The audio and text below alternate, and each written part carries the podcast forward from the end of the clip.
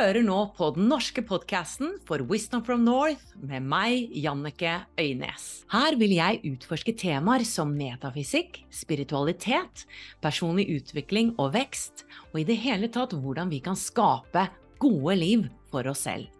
I Wisdom from North brenner vi for å hjelpe deg med å ta din spirituelle vekst til det neste nivået. Derfor samarbeider vi med noen fantastiske lærere og partnere som tilbyr gratis webinarer, klasser og meditasjoner. Gå til wisdomfromnorth.no slash gratis. Ansvarsfraskrivelse.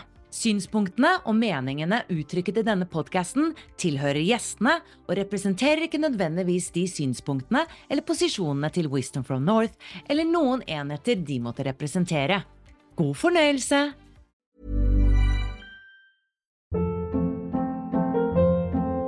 Hold up. What was that? Boring. No flavor. That was as bad as those leftovers you ate all week. Kiki Palmer here, and it's time to say hello to something fresh and guilt-free. Hello Fresh. Jazz up dinner with pecan-crusted chicken or garlic butter shrimp scampi. Now that's music to my mouth. Hello Fresh. Let's get this dinner party started. Discover all the delicious possibilities at hellofresh.com. Hey, it's Ryan Reynolds, and I'm here with Keith, co star of my upcoming film, If, only in theaters, May 17th. Do you want to tell people the big news? All right, I'll do it. Sign up now and you'll get unlimited for $15 a month and six months of Paramount Plus Essential Plan on us. Mintmobile.com slash switch. Upfront payment of $45 equivalent to $15 per month. Unlimited over 40 gigabytes per month. Face lower speeds. Videos at 480p. Active Mint customers by 531.24 get six months of Paramount Plus Essential Plan. Auto renews after six months. Offer ends May 31st, 2024. Separate Paramount Plus registration required. Terms and conditions apply if rated PG. Hei og hjertelig velkommen til en ny episode på Wisdom from North sin podcast. Vet du hva, jeg må innrømme at um, rett før jeg begynte å ta opp her nå, så satt jeg og gråt litt. Fordi jeg har akkurat lyttet igjennom et intervju som du skal høre i dag med Bjørg Toralsdottir. Og jeg er jo et ganske sårbart menneske, og det er faktisk en av intensjonene mine i 2023. Det er å være mer autentisk og sårbar, faktisk. Og det kan jo virke ganske skummelt. Jeg vet at det er ikke mål og intensjonen for mange mennesker, eh, men for meg så vil jeg gjerne være ekte, så ekte jeg kan. Jeg ønsker ikke å legge på lag på lag og forsøke å være tøff og hard. Jeg ønsker å være real. Real, Jannicke. Og dette intervjuet gjorde så inntrykk på meg, og i dag så har jeg hatt en litt sånn rar dag hvor jeg har kjent litt på litt sorg fra et tidligere forhold som ikke gikk den veien jeg ønsket, og det at jeg prøver å få barn, ikke sant, så jeg, jeg kjenner litt sånn på sorg i dag. Og så så jeg da gjennom dette intervjuet, og da bare begynte jeg å gråte masse. Og kanskje du også vil oppleve det samme hvis du er litt sårbar i dag, fordi at det, dette intervjuet som du skal få høre nå, det er sterkt. Det er med Bjørg Toralsdottir. Og Bjørg er faktisk søsteren til Dora Toralsdottir, som jeg allerede har intervjuet. Og Bjørg er også like geskjeftig i hva hun holder på med. Hun, jeg vet ikke om hun er det fremdeles, men var i hvert fall på et tidspunkt Norges mest selgende kunstner. Og hun er da kunstner, eh, gründer, forfatter, foredragsholder. Hun er også EQ-terapeut og bestselger av Lykkebobler, som er hvit ro eller rosa cava, som jeg bare elsker. Kan virkelig anbefale lykkebobler. Eh, når jeg skal på fjellet med familien, så drar jeg ofte med meg den, eh, den cavaen der. Jeg jeg, jeg digger navnet også, lykkebobler. Føler at jeg blir litt ekstra lykkelig når jeg drikker den cavaen der. Hun er også aktuell med podkasten Kjærlighetsmønster, som hun har sammen med Anniken Lien. Veldig spennende podkast som handler om ja, kjærlighet. Og det vi blant annet snakker om i dette intervjuet her, da, som fikk meg til å gråte litt, det er kjærligheten, det er livet, det er å våge livet. Hun gir oss en sterk oppfordring som virkelig kommer fra dypet av hennes hjerte, kjente jeg, om å nå skal jeg bruke ordet drite i hva andre syns, leve intenst, leve her og nå, gjøre det du ønsker å gjøre, fordi livet er for kort til å gjøre det motsatte. Og Bjørg har virkelig kjent smerte på kroppen. Hun ble enke som 30-åring. og mistet sitt livs kjærlighet og ble alenemor for to år gamle Tolly. Og da etablerte hun noe som heter Hjertefred på Allehelgensdag i 2006, slik at sønnen og andre som har mistet noen, skulle ha et sted å minne sine kjære i glede. Og jeg har faktisk hatt en glede av å synge på Hjertefred for noen år siden. Og det som er så inspirerende med Bjørg, da, det er jo at hun har jo ikke lukket hjertet sitt. Det kom frem i dette intervjuet at i 2014, jeg vet ikke hva som er tilfellet nå, men da hadde hun allerede vært forlovet 13 ganger. og jeg tenker wow, altså jeg beundrer rett og slett Bjørg for det. Fordi at mitt mønster i mitt liv er at jeg hadde tre-fire kjærester i 20-årene. Tre-fire, jeg burde jo vite hvor mange kjærester jeg hadde. Jeg hadde skal vi se, én, to, fire kjærester i 20-årene. Og i 30-årene så har jeg kun hatt én kjæreste. Så jeg har ikke hatt så mange forlovelser. Jeg har ikke giftet meg. Jeg har ikke hatt så mange relasjoner da, som har gått så dypt som Bjørg har. Og da tenker jeg fy søren for en kul dame som bare har et så åpent hjerte, som forelsker seg så lett, og evner da å tro gang på gang at dette er mannen i mitt liv. Så kanskje jeg har et lukket hjerte, jeg vet ikke. Men jeg ble i hvert fall veldig inspirert av Bjørg i dag til å hoppe mer, til å åpne meg mer for flere muligheter, og det håper jeg også du blir i dag, til å leve mer intenst og på dine terms, ikke andres. Så folkens, la oss møte Bjørg. Bjørg, takk for at jeg får komme på besøk, og velkommen til Wisdom from North. Det er veldig hyggelig å ha deg her. Og jeg har jo lest denne boken og fått litt innblikk i ditt liv, og skjønt at kunsten henger så sammen med alt du har opplevd. Så jeg tenkte at vi går på en måte helt tilbake, for jeg lurer på Har du alltid visst at du skal, skulle bli kunstner, eller var det noe som kom over deg? Jeg tror bare at det var en måte for meg å uttrykke meg på. For da jeg var um, Da jeg gikk på barneskolen i to første årene, så opplevde jeg noe som gjorde at uh, at jeg sluttet å prate. Så jeg kommuniserte med læreren min ved å tegne. Så på en måte, fordi jeg ikke snakket, så kommuniserte jeg gjennom å tegne. Og derfor tegnet jeg på en måte tegninger for å forklare hva jeg ville si. Og da jeg tror det, Så jeg tror det er egentlig derfor jeg kommuniserer så veldig med tegningene mine. Men jeg forsto også at du hadde litt motstand, at det var noen lærere som på en måte Hva er det du tegner nå? Mens du hadde tro på at det du tegnet, var fint. I hvert fall så ble pappa og mamma innkalt til foreldremøte, for de trodde det var noe galt med meg. For det sto at når man var liksom jente og åtte år, så skulle man tegne sånne hus med taksten og blomster og sånn, mens jeg tegnet eh, ormer og monstre med pipe på hodet som røk og sånn. så de trodde at det, det er noe galt med datteren deres. Og det er det! Man må ha litt galskap for å være kunstner, må man ikke det? skål til det. Ja, skål for det.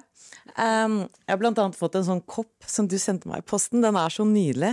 Uh, og du skriver så nydelig dikt også til kunsten din. Men jeg må litt fremdeles tilbake, fordi du kommer fra Island, og du har reist mye. Og da du fant ut at du skulle følge denne drømmen, da, så dro du til utlandet og insisterte på å komme inn på en skole. ja, skal jeg fortelle hele historien? Gjør det. Jeg reiste ned til Barcelona etter å ha gått på Aske kunstskole, for jeg ville liksom til røttene av kunsten.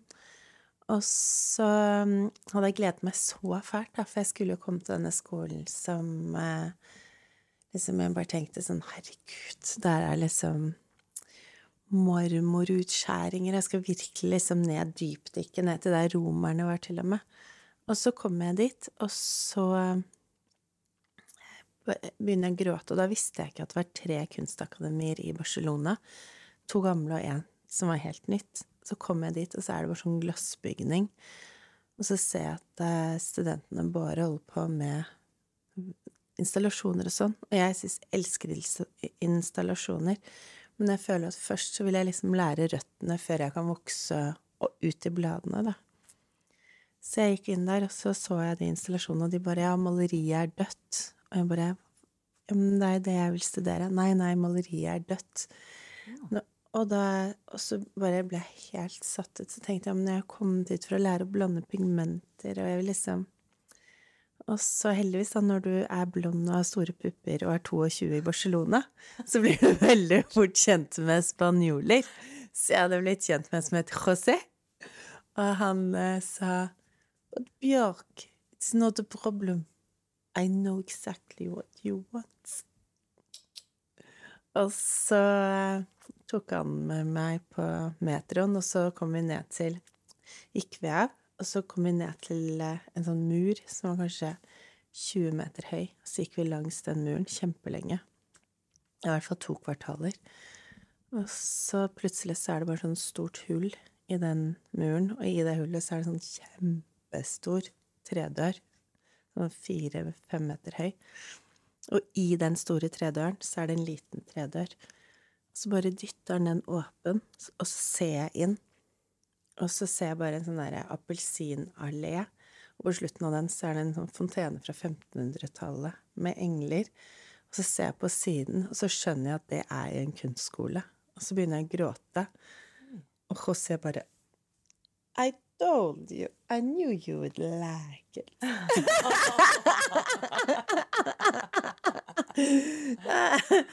og så um, gikk jeg inn til sekretariatet, og så sa jeg at jeg ville begynne der. Og så begynte jeg å le og bare ha-ha. Søknadsfristen gikk ut for fem måneder siden. Du kommer aldri inn, Bjørk. Og så eh, var jeg sånn eh, Jo, det skal jeg. For jeg har lært at nei, det er bare en omvei til et ja.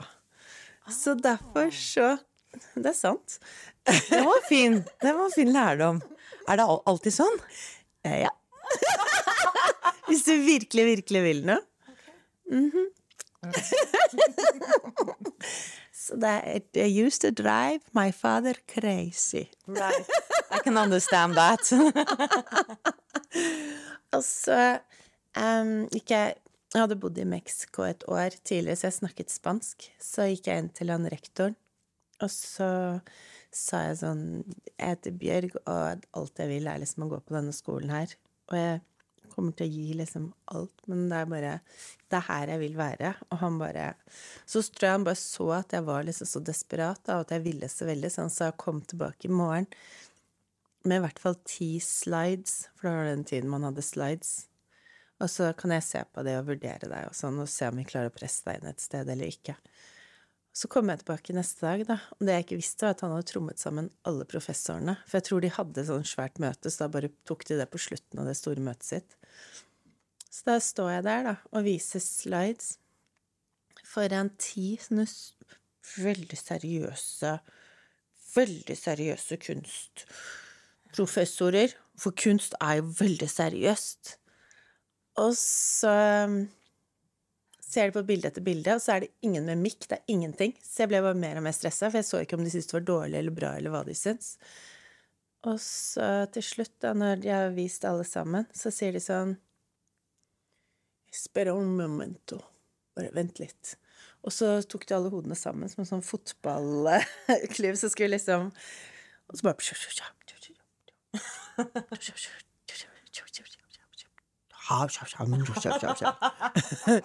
Og så tar han ene og stikker hodet opp og ser på meg og sier Du kan komme tilbake på tirsdag, og da begynner du rett i tredje klasse. I tredje klasse? Ja, så jeg hoppet til og med over to år. Oi. Så det var helt fantastisk. Wow. For en historie! Og så gikk du der, og så gikk du i personlig lære også hos eh, en mann, nå husker jeg ikke navnet hans, men jeg, det eneste jeg husker var at eh, han ba deg eh, ta glass rødvin klokken åtte om morgenen. Oi, ja, det var eh, Jean de Croix. Da jeg var ferdig med å studere i Kunstakademiet i Barcelona, så reiste jeg til Kom jeg inn på i Toulouse. Og da fikk jeg gå i lære som eneste elev under Jean de Croix. Og det var helt fantastisk. Og jeg, jeg i hvert fall Jeg respekterer alle som Hva slags valg de har, og hva de har behov for som sin kunstneriske uttrykksform, og hva de vil lære og sånn. Men jeg hadde i hvert fall veldig stort behov for å virkelig bare forstå maleriet, da. Så det å gå hos John, John Ducrot tror jeg er en av de største gavene jeg har fått i mitt liv. For at jeg fikk lov til å gå hos han. Og han skulle ikke bare lære meg å male, da, som du sa. Man skal også lære meg å leve som en kunstner. Og det å leve som kunstner, da skal du ha veldig strenge rutiner. Så klokken åtte hver morgen så skal du starte med et glass rødvin og tre sterke røyk. Helst. For det var det som var der. Det bare sto et, et glass rødvin og tre sånne Ducros, som er sånn grusom sterk sånn gammelmannstobakk, tror jeg. og så um, Og så liksom klokken tolv så ble det rødvinsglasset byttet ut med pastis. Og klokken to på slaget så var det ut. Men han var veldig opptatt av det. Når du skal jobbe, så skal du liksom Du må bygge opp dine egne rutiner. Men det var også da at jeg kom inn der, og så det første vi gjorde, var å ta en sånn Spikre en lage liksom trerammen selv. Og så Eller hva heter det på norsk? Ja. Derfor um, Og så hadde vi sånn kjempetjukk, gammel linduk som jeg la over og spikret inn med kobberspiker. Og så likt på alle sider og dro og dro og dro. Og så tok vi og malte kaninben og varmet opp det. Som vi malte på for at lerretet skulle strekke seg. Og så tok vi en eller annen fransk ost. Franskmenn klarer alltid å presse oster inn i alt.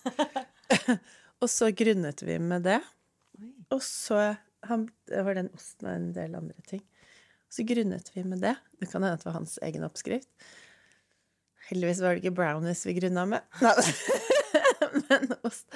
Og så etter det så var det liksom bare å blande frem fargene selv med pigmenter og egg. Oi.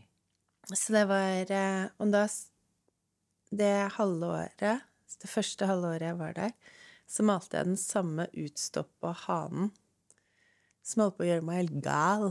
Men, den var, men det var da jeg lærte hvor ekstremt vanskelig det er å klare å male lyset. Mm. Og den var ganske støvete, den hanen. Mm. Men det var helt fantastisk. Mm.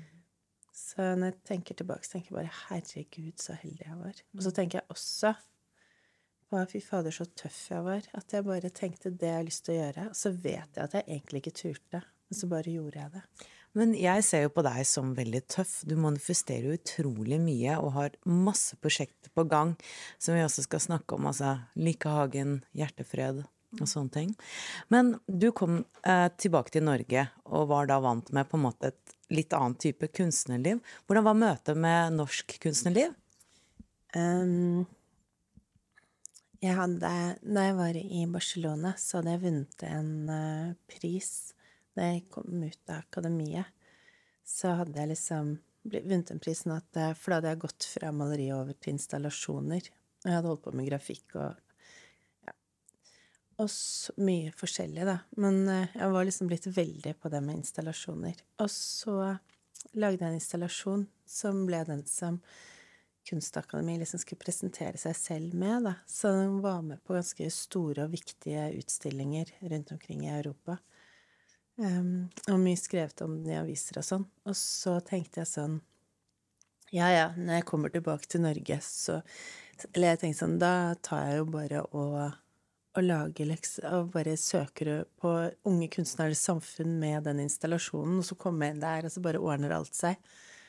Og, så, og jeg var jo så høy på meg selv, for jeg hadde jo blitt fortalt at jeg var et geni. Så jeg var jo blond og geni. Jeg skjønte kanskje ikke. Men eh, jeg hadde, liksom, jeg hadde blitt liksom bare så veldig sånn opphøyd. Så jeg tenkte sånn Dette her kommer jo Jeg var kanskje litt høy på meg selv. Så kom jeg tilbake til Norge, og så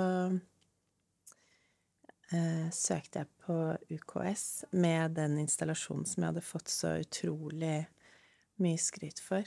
Og som hadde vært med på alle utstillingene alt sammen. Mm. Søk med dem bare for å få medlemskap. Og så fikk jeg ikke medlemskap.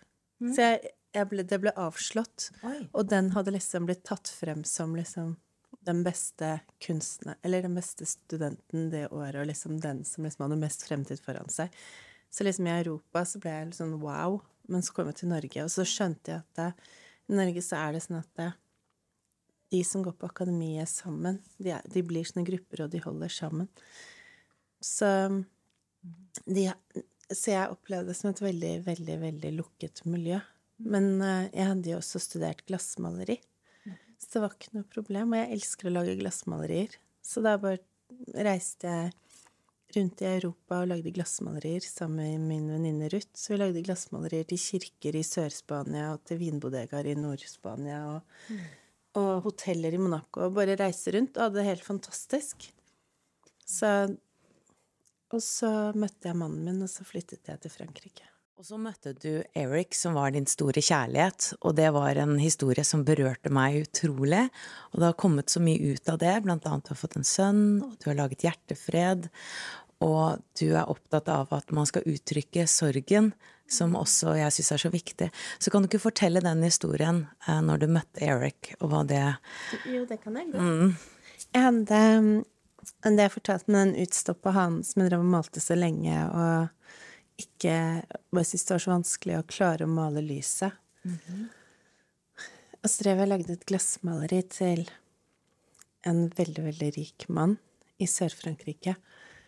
Og så sa han eh, etter en stund sånn som dere har ikke lyst til å se malerisamlingen min. Og så tenkte jeg sånn Ja, frimerkesamlingen. og så sa han eh, så ble vi med, da. Det hadde et eget hus i hagen som var museum. Og så gikk vi inn der, og så ble jeg helt satt ut, for det var liksom Jeg så bilder som jeg hadde sett i kunsthistoriebøkene mine, hvor det sto i privat eie, som jeg visste at jeg aldri kom til å se. Mm. Plutselig står det liksom foran Picasso og Matisse og til og med en Rembrandt som du bare Hæ? Så jeg begynte å gråte, for det ble så sterkt for meg. Men så på veggen så ser jeg et bilde av en mann som svømmer under vann, og så heter den 'Looking for my love'. Men, men den var så utrolig vakkert malt, og bare hvordan lyset reflekterte på ryggen og bare vannet og var, og så sa jeg bare sånn derre Jeg visste ikke at en nålevende kunstner kunne male sånn. At det gikk an. Og så sa han sånn Ja, men Bjørg, vi kan bare ta og ringe til han og høre om han er hjemme, og sånn, for han bor rett der oppe. Så ringte han til han, og så satte vi oss i bilen, og så kjørte vi opp fjellet. Eller liksom fjellet overfor Cannes. Og så satt vi og ventet på en kafé, for han bodde Eller han hadde galleriet sitt vis-à-vis. Og så mens vi sitter der og venter, så um, ser jeg en mann på andre siden av veien. Og så ser jeg ham bare. Så tenker jeg bare Sex on legs. Han var den kjekkeste mannen jeg noen gang hadde sett i hele mitt liv. Eller den tøffeste. Han var liksom en blanding av en sjørøver og popstjerne. Han var bare Og så kom han mot bordet vårt, og så viste det seg at det var Eric Scott. Og så satte han seg ned, og da skalv jeg så fælt i knærne, så jeg klarte ikke å reise meg opp og gå inn på galleriet sammen med Ruth og Ray. Så de fikk bare De gikk inn der. Og så ble jeg bare sittende og prate med han. Jeg tror ikke vi snakket så veldig mye lenger enn et kvarter. Og så snakket vi bare om helt sånn vanlige ting. Men så etter et kvarter så ser han på meg så bare Han var engelsk, da. So pjåk. Would you like to marry me then? Og jeg sa jo selvfølgelig ja. og en måned senere så giftet vi oss på stranden i Miami. Og elleve måneder senere så kom Tolly. Det er jo helt unikt så det var bare instant love, kjærlighet uh, ved første blikk. Begge to bare visste det. Jeg, jeg, har aldri opplevd noe sånt før eller siden. Jeg har bare sett det på filmer og tenkt at det, det der skjer ikke, liksom. Men det gjør det. Wow. Og dette var jo din store kjærlighet. Mm. Og du fikk kun tre år med han. Det som skjedde, var at vi um, Han um, han var en skikkelig kunstner, så han var jo ganske alkoholisert. Så det var et veldig vanskelig forhold. Og det var Jeg gikk fra han sikkert syv ganger og tilbake og sånn. Og så en gang når jeg var og kjørte på Ring 3 i Norge, og så øh, Så jeg skulle ha en utstilling, så han hadde ringt veldig mye om bare 'du må komme, du må komme, du må komme tilbake'. Så var jeg sånn 'nei, jeg må først bli ferdig med å male disse bildene til denne utstillingen', og. Og så ringer det fra Frankrike, og så sier de at de har funnet Eric død. Da var det egentlig som at Ehm, jeg bare klikka, så begynte jeg å skrike. Jeg skrek og skrek og skrek. Og så løp jeg langs Ring 3 og skrek og kunne sikkert ha blitt påkjørt. Og så var Tolly i bilen sammen med to venner. Så mm, da jeg endelig klarte å begynne å snakke igjen, så sa jeg bare 'Eric er død, jeg vil se havet', og så kjørte de meg ned til Huk. Og så orket jeg ikke å ha noen mennesker rundt meg, så jeg satt lengst ute på den ytterste stenen jeg kunne finne i Paradisbukta. Og så vet jeg ikke om jeg satt der en halvtime, en time eller to. Men så bare kjente jeg en sånn veldig varme som gikk nedover ryggen min. Og så snur jeg meg, og da har de vennene mine ringt til familie og alle de andre vennene mine. Så når jeg snur meg, så ser jeg at hele stranden er full av de menneskene jeg er mest glad i. Som man bare sluppet det de hadde i hendene, og kommet. Så jeg tror jeg aldri har følt meg så alene i ett sekund, og i neste så bare ser jeg at alle står der med liksom et brannseil av kjærlighet og tar meg imot. Så jeg tror jeg aldri følt meg så rik, og etter det så skjønte jeg virkelig hva vennskap er. Mm. Og det tok jo også lang tid for deg å og hanskes med sorgen. Og jeg husker du skrev i den boken at du syntes det var vanskelig når folk sa kondoler, blant annet, fordi at det var på en måte eh, litt sånn Man får ikke kontakt med mennesker. Ever catch yourself eating the same flavorless dinner three days in a row? Dreaming of something better? Well, HelloFresh is your guilt-free dream come true, baby. It's me, Kiki Palmer. Let's wake up those taste buds with hot, juicy pecan-crusted chicken or garlic butter shrimp scampi. Mm. Hello Fresh. Stop dreaming of all the delicious possibilities and dig in at HelloFresh.com. Let's get this dinner party started.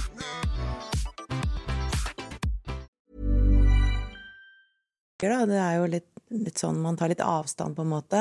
Kondolerer, så har du sagt det du skal si. Og jeg opplever det ofte selv, at jeg vet ikke hva jeg skal si. Og at kondolerer er, er, på en måte ganske hardt, kaldt ord, på en måte. Eller at jeg ikke får gitt den varmen jeg vil gi, da. Mm. Og um, så gjorde du noe med dette her, og du skapte hjertefred. Kan du fortelle litt om det? Mm, jeg eh, jeg kondolerer betyr jo 'jeg føler med deg', som er veldig vakkert. Og hvis folk hadde kommet bort og sagt, gitt deg en klem og sagt 'jeg føler med deg', så er det kjempevakkert. Men kondoleres føles det som noen dytter deg Det føles som et sånt fremmedord som folk bruker. Mm. Men det er jo bare fordi at det, I hvert fall da Eric døde, som nå er eh, syv år siden, åtte år siden, så, eh, så har faktisk vært ganske store endringer siden da, føler jeg. Mm -hmm at det var mer tabu rundt døden, og folk var så redde for å si noe feil. Og så tror jeg folk var redde for alt. Alle skulle liksom bare være perfekte og smile hele tiden. Og det at noen sto der og gråt, det var liksom Visste ikke hvordan man skulle takle det. Så jeg vet at ingen gjorde noe liksom, for å være slemme mot meg, eller de som liksom skiftet siden av gaten da de så meg, for de turte ikke å møte meg. De gjorde ikke av ondt hjerte, det var jo bare fordi de var redde for å si noe feil eller ikke visste hva de skulle si. Det er jeg sikker på. Men uh, jeg ville i hvert fall ha åpenhet rundt døden, og jeg ville skape et rom som var like lyst og like fylt av kjærlighet som den kjærligheten jeg fortsatt kjente for Eric. Så um, allhelgensdagen etter så var jeg veldig påvirket av det uh, allhelgensdagen som jeg hadde opplevd i Mexico, som er helt fantastisk. Mm. Hvor uh, bestemoren i den familien hadde bodd i, hun hadde gått bort. Og jeg hadde blitt kjent med henne og blitt glad i henne, og så døde hun, og så kom de dødsdag. Og da satt vi oppå graven, og så drakk vi vin, og så helte vi oppi et glass vin til henne. Og så lo vi av at hun kunne jo ikke drikke det, for hun var jo død, så vi måtte jo drikke det. og så spiste vi oppå graven, så kom det fra andre graver over til vår grav, og så snakket de om hun bestemoren og hvor søt hun var, og om hvor liksom eh, Hva heter det for noe? Clumsy. Hun var, var sånn mistet, Hun gjorde så mye rart, så vi lo, liksom, og så gråt vi, og så var det bare sånn ærlighet og åpenhet som bare gjorde at den sorgen fikk lov til å bare gå, liksom.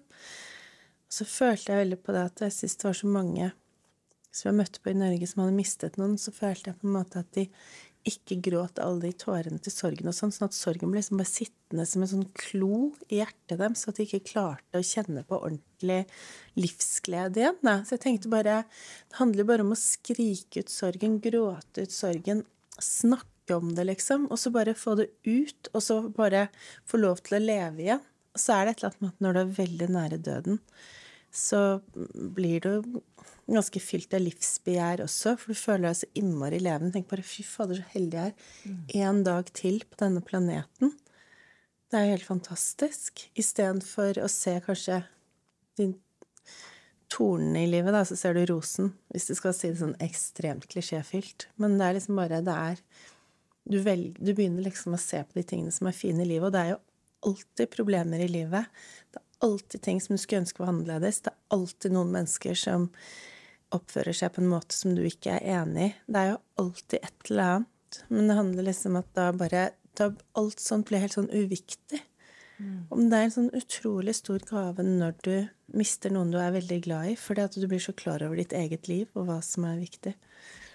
Så jeg ser på det også som en gave, det at Eric gikk bort, fordi at det har gjort at At jeg liksom bare tenker at det fins ikke én ubetydelig dag i mitt liv. Hver eneste dag er så betydningsfull, fordi at en eller annen gang i fremtiden, om det er i morgen eller om et år, så er et menneske som jeg er veldig glad i, ikke her lenger. Vi har liksom bare Alt er til låns. Og sånn som Anne Wada sier, at uh, alt som gir glede, har et spire til savn. Det er fordi det er ingenting som varer evig, så alt det som gir deg veldig mye glede, kommer du også til å måtte suffer for en eller annen gang i fremtiden. For at, eh, men sånn er livet, og det er vakkert.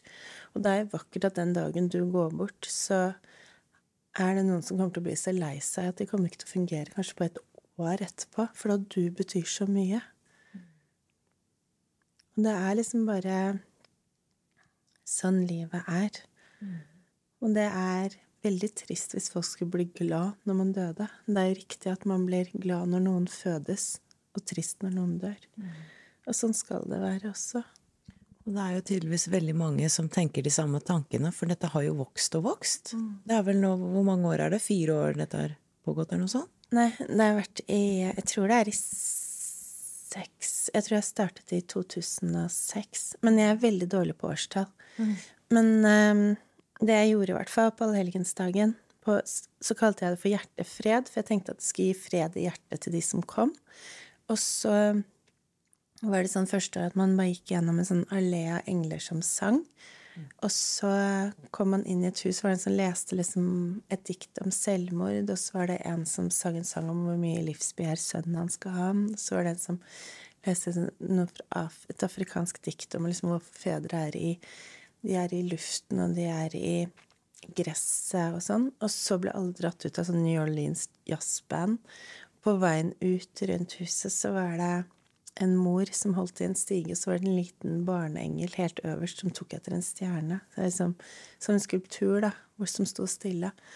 Og så eh, kom alle rundet de, og så kom de ut i hagen, og da var det en engel som sto liksom oppå et stupebrett fem meter oppe og sang 'Deilig er jorden', og så begynte alle å synge det, og så la vi hjert, sånn lys i et kjempestort hjerte, sånn at alle de ly- gravlyslyktene ble til et sånt stort hjerte. Og så sendte vi opp sånn heliumsballonger til slutt. Og det ble bare sånn Og så tenkte jeg liksom at det, det er liksom de vennene mine som tenker sånn Hva er det Bjørg har funnet på nå, liksom? det er liksom de som kommer til å komme, da. De som liksom bare Ok, jeg får vise Bjørg at jeg støtter henne, liksom. Men så kom det 500 mennesker. Jeg trodde det skulle komme 100. Og det var så mange mennesker, og det var ved en gammel skole, en gammel skolebygning, som er et veldig nydelig galleri nå, som heter Det gule galleriet i Asker, nede på Nesbru. Og da var det sånn at det sto fem rader med mennesker utenfor hvert vindu og prøvde å se inn. Så neste år så arrangerte jeg det i Sandvika, så snakket jeg med kultursjefen Trine Bendiksen. Så fortalte jeg liksom at jeg gjerne ville ha det ved et vann, og spesielt ved elven, at det er liksom symbolet mellom det levende og det døde, og det at man krysser elven og alt det der. Så kom hun opp med ideen om å ha det i Løkkehaven. Det var jo helt perfekt. Og da hadde vi Sølvguttene som ble rodd oppover elven med hundrevis av lys etter båtene mens de sang rekviem av Mozart, og så kom de under broen, og så Helene Bøksla oppe og sang Hjemme meg handa mi, venn, og så kom operakoret ridende mens de koret med det.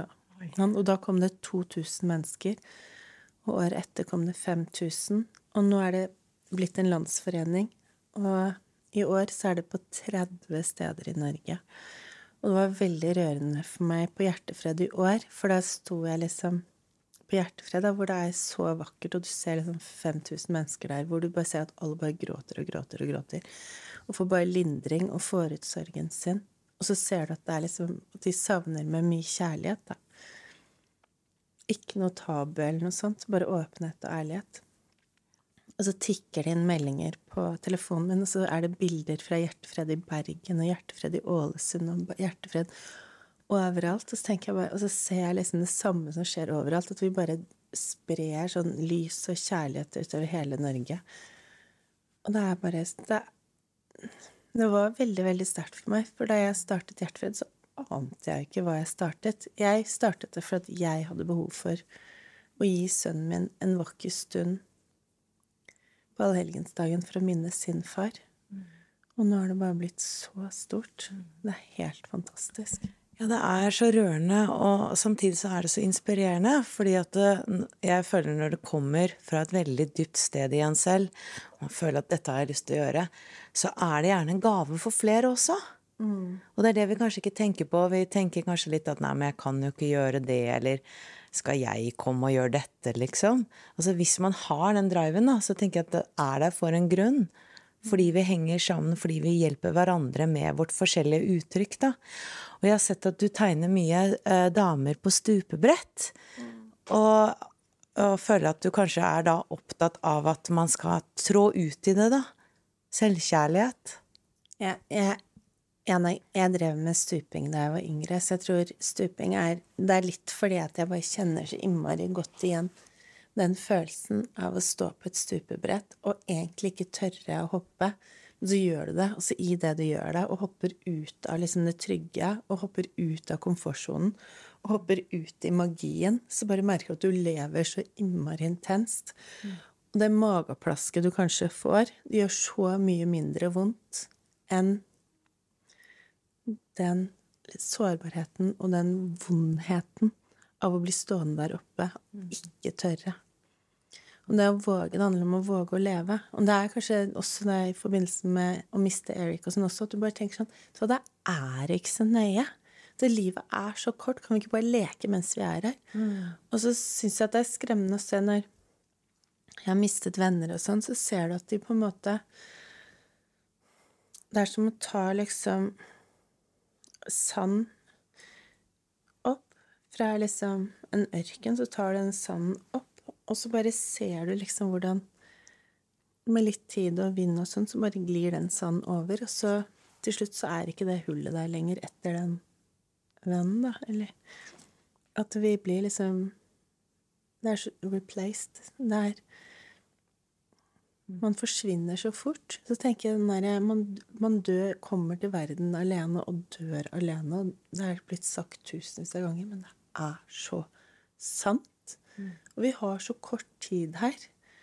Og når du er borte, så er vi borte, liksom. Da er det andre mennesker som kommer inn, og det er andre mennesker Men tenk bare den korte stunden her, så bare drit i hva de sier om deg. Drit i hva de tenker om deg. Bare bry deg om hva du tenker om deg selv, mm. og hva du vil. Drit i alle andre. Det er, det er, så uviktig. For den dagen du er borte, så er du borte. Og da er du borte, liksom. Da fylles det hullet igjen med sand. Så det er liksom bare Bare nyt den korte stunden du har her. Og så tenker jeg bare hvis det er noe man har lyst til å gjøre, selv om man er kjemperedd, så bare hopp ut. Og da bare hvis du, hvis du har lyst, så tenker jeg at da er hjertet som et kompass, og hjertet ditt liksom viser deg hvilken vei du skal gå. Og når du går den veien da, som hjertet ditt viser, da kommer du alltid til et godt sted. For det er den underbevisstheten din, og du, du gjør ikke noen dumme valg når hjertet ditt virkelig vil. Det er det jeg syns er så spennende og fint med deg, at du har den dybden samtidig som du har den lettheten og den gleden og nettopp den cava, de, disse boblene som du nå har kommet med. Og det inspirerer sånn. Så du har laget glass, og du har laget din egen champagne, eller cava. Hvor kom, det, hvor kom den ideen fra? Ja, det, mm, siden jeg bodde frem tilbake for et, i Barcelona i ti år, og veldig mange av vennene mine fra akademia som kom faktisk fra vinbodegaer og sånn. Mm. Så jeg var så ekstremt heldig at i veldig ung alder så var jeg liksom på de vingårdene og fikk lov til å være med og sanke inn druer og presse og blande og liksom bare å smake frem. Og du får bare sånn enorm respekt for det håndverket, det å lage vin. Det er jo og det å få lov til å liksom være med ned i sånne vinkjellere som maurerne bygde for 1000 år siden, og det er bare sånne jordganger Det er som å gå ned i sånne huler, og, så, og, og liksom de derre eh, terrakottahulene hvor det liksom lagret vin som bare barn klarte å vaske ut, liksom. Hvor de tar en snor rundt barnet, og så må de synge hele tiden mens de vasker det inn. Og når de slutter å synge, så vet man at da er det ikke mer luft igjen der, så da må de dras opp. de siste var veldig stas, for de visste at de voksne ble så glad når de gjorde det. Så mine venner har jo gjort det som små. Og da um, det å få lov til å være med på det, det gjør at du får så respekt for vin. Og da når jeg uh, var i Norge, så var jeg på en del sånne ting hvor vi fikk så innmari skvipete bobler. Hvor de var liksom altfor søte, eller de hadde puttet for mye sukker eller likør oppi kavaen, og sånn, så tenkte jeg det her går ikke an.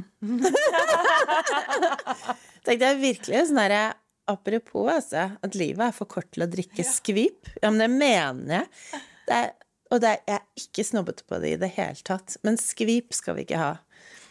Alle fortjener liksom god cava.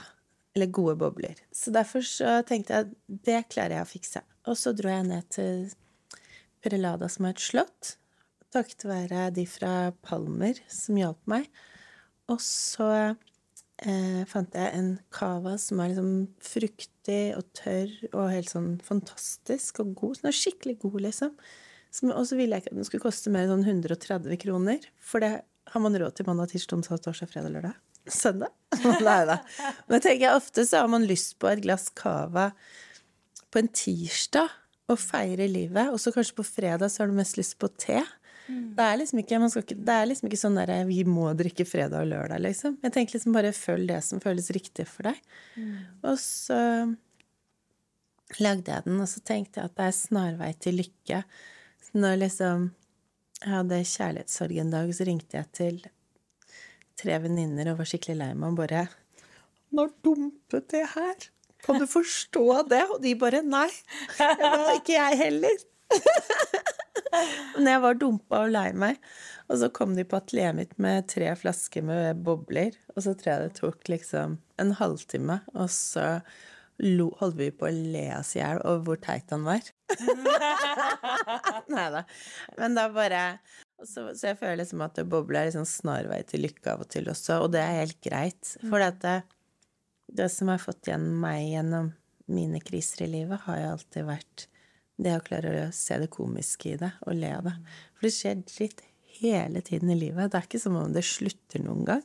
Så det er like greit å bare le av det og bare tenke enten så går det bra, eller så går det over. Mm. Og, så, og, det er bare sånn der, alltid når du ser tilbake på ting som har skjedd, uansett hvor grusomt det har vært, sånt, så ser du at det alltid var noe fint inni der. Et eller annet med at når man har det tøft, så blir man så mye nærere i vennskap. Mm. Det er liksom alltid noe kjempefint. Når jeg tenker tilbake på liksom perioder hvor jeg har hatt det veldig, veldig tøft, mm. så ser jeg liksom noe veldig vakkert og skjørt i det også. Mm. Som man kanskje ikke ser akkurat der og da. Så handler det mer om å rett og slett bare leve mer intenst fordi at vi har disse følelsene. Ikke late som de ikke er der. Altså, livet er jo, tenker jeg, opp og ned. Uh, jeg tenker at det er ikke noe naturlighet at alt skal være bra hele tiden. For hvor er på en måte Hvordan vet du at du har det godt hvis du ikke hadde hatt det virkelig vondt også? Og så tenker jeg også bare på at vi er liksom Da vi kom til jorden, så skrev vi under papirene oppe i himmelen at vi skulle gå på livets skole. Og livets skole er ikke slutt før man dør. Og jeg tenker det er, du får jo så mye fantastisk, fantastisk undervisning. På alt det kjipe som skjer, så er det alltid noe du kan lære. Alltid. Og det er en sånn fantastisk læring. Jeg føler egentlig at jeg har tatt fire mastere i livets skole. Men det er helt fantastisk, for det, og det å når det skjer kjipe ting, og så tenker du bare OK, hva kan jeg lære av dette her? Hva, hvis dette skulle skjedd igjen, hva hadde jeg gjort annerledes? Så klarer man å snu det fra å være noe veldig negativt til å bli noe positivt, på en måte. Mm. Og da er det bare veldig mye lettere å leve. Så du har ikke på en måte blitt redd for å elske igjen og for å gå igjennom For det er jo mange mennesker som kanskje lukker seg hvis det, de mister noen, eller hvis de blir um, forlatt at de tør ikke å elske igjen. At man blir litt bitre. For man orker ikke å oppleve samme sorg. Ja. Nei, det er ekstremt vondt med kjærlighetssorg, ass. Er helt forferdelig. Det unner jeg bare mine fiender.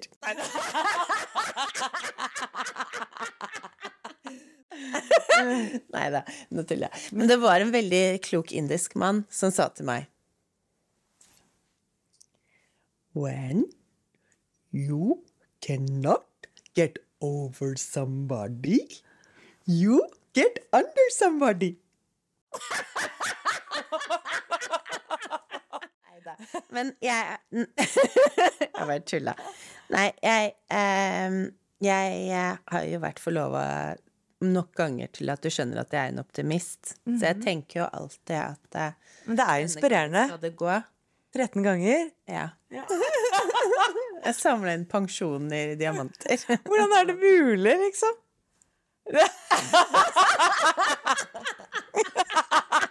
jeg tror det er bare for det Men jeg, jeg, jeg, tror kanskje jeg er ganske virkelighetsfjern. Så jeg tror alltid at når jeg møter en mann og blir veldig forelska, så tenker jeg alltid at dette her, er, dette her skal gå, og dette her er mannen i mitt liv. Og så ringer jeg til venninnene mine og er helt overlykkelig, og så sier jeg sånn jeg har møtt mannen i, mannen i mitt liv. Og så, og så svarer de sånn Igjen. men jeg tror det virkelig. Men uh, mm. Eh, Men jeg jeg jobb, lever jo ganske intenst og møter veldig mye mennesker og sånn, sånn at jeg møter kanskje flere mennesker enn andre som er i normale jobber og er sammen med den vanlige omgangskretsen sin. Altså. Og så er det kanskje noe med å være en kunstner også, at man på en måte bruker følelsene i kunsten også. Mm. Mm. Men øh, jeg føler kanskje at jeg har drevet med litt overfiske. At jeg har liksom fiska med garn og ikke med, med flue. Så jeg tenkte at det, kanskje jeg skal slutte å liksom fiske med garn på dypvannsfisk, og så heller prøve å fange en delfin. Nei. Det er nå du har kommet til doktorgraden i livet. jeg føler kanskje jeg har brukt opp fiskekvota. Nei, men uh, delfiner er vakre. ja, det er det. Ja. Uh, dette var en veldig fin samtale, Bjørg. Tusen takk. Er det noe du har lyst til å avslutte med? Uh, eller først har jeg lyst til å si, hvor kan folk finne deg? Hvor kan de, hvilke gallerier er Du har mange gallerier rundt omkring, har du ikke det? Ja, jeg har gallerier rundt omkring i hele Norge. Og så har jeg galleri Lykkehaven. Som er sånn rent bjørgalleri. Og så anbefaler jeg veldig denne boken, for den er så nydelig skrevet. Og der er det jo mange av dine bilder og med eh, på en måte litt historien bak hvert av bildene, da. Så man også det, det er litt hyggelig, syns jeg, å se tankene til kunstneren. Ikke at alt skal tolkes selv. For jeg lurer alltid på hva tenkte kunstneren med dette her, og det syns jeg er litt fint. Mm. Så tusen takk. Takk skal du ha. Er det noe du har lyst til å si helt på slutten? Jeg det er takknemlig for at jeg fikk lov til å snakke. Og mm. så um, Selv om jeg fjaser og tuller mye, så gjør jeg det også fordi at jeg syns ikke det er vits i å gå gjennom livet og være så korrekt og perfekt. Og alltid si det riktige og være så riktig, liksom. Jeg liker å gå gjennom livet og bare få lov til å være meg og tulle og ikke ta det så alvorlig. så ønsker jeg bare alle som har hørt på dette her i dag, en fantastisk reise videre i livet. God tur. Mom deserves the best, and there's no better place to shop for Mother's Day than Whole Foods Market. They're your destination for unbeatable savings, from premium gifts to show-stopping flowers and irresistible desserts. Start by saving 33% with Prime on all body care and candles. Then get a 15-stem bunch of tulips for just $9.99 each with Prime. Round out Mom's menu with festive rosé, irresistible berry chantilly cake, and more special treats. Come celebrate Mother's Day at Whole Foods Market. Ever catch yourself eating the same flavorless dinner three days in a row? Dreaming of something better? Well, HelloFresh is your guilt-free dream come true, baby. It's me, Kiki Palmer. Let's wake up those taste buds with hot, juicy pecan-crusted chicken or garlic butter shrimp scampi. Mm. Hello Fresh. Stop dreaming of all the delicious possibilities and dig in at HelloFresh.com. Let's get this dinner party started.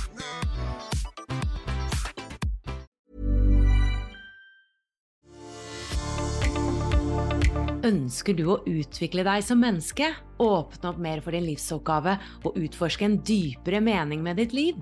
Så er du hjertelig velkommen inn i Wisdom from North medlemskap. Og det finner du på wisdomfromnorth.no slash medlemskap. Om du vil gå enda litt dypere, så finner du alle våre norske nettkurs på wisdomfromnorth.no og våre engelske nettkurs på wisdomfromnorth.com. Du finner oss også på Instagram, Facebook og YouTube ved bare å søke på Wisdom from North. Vi høres igjen!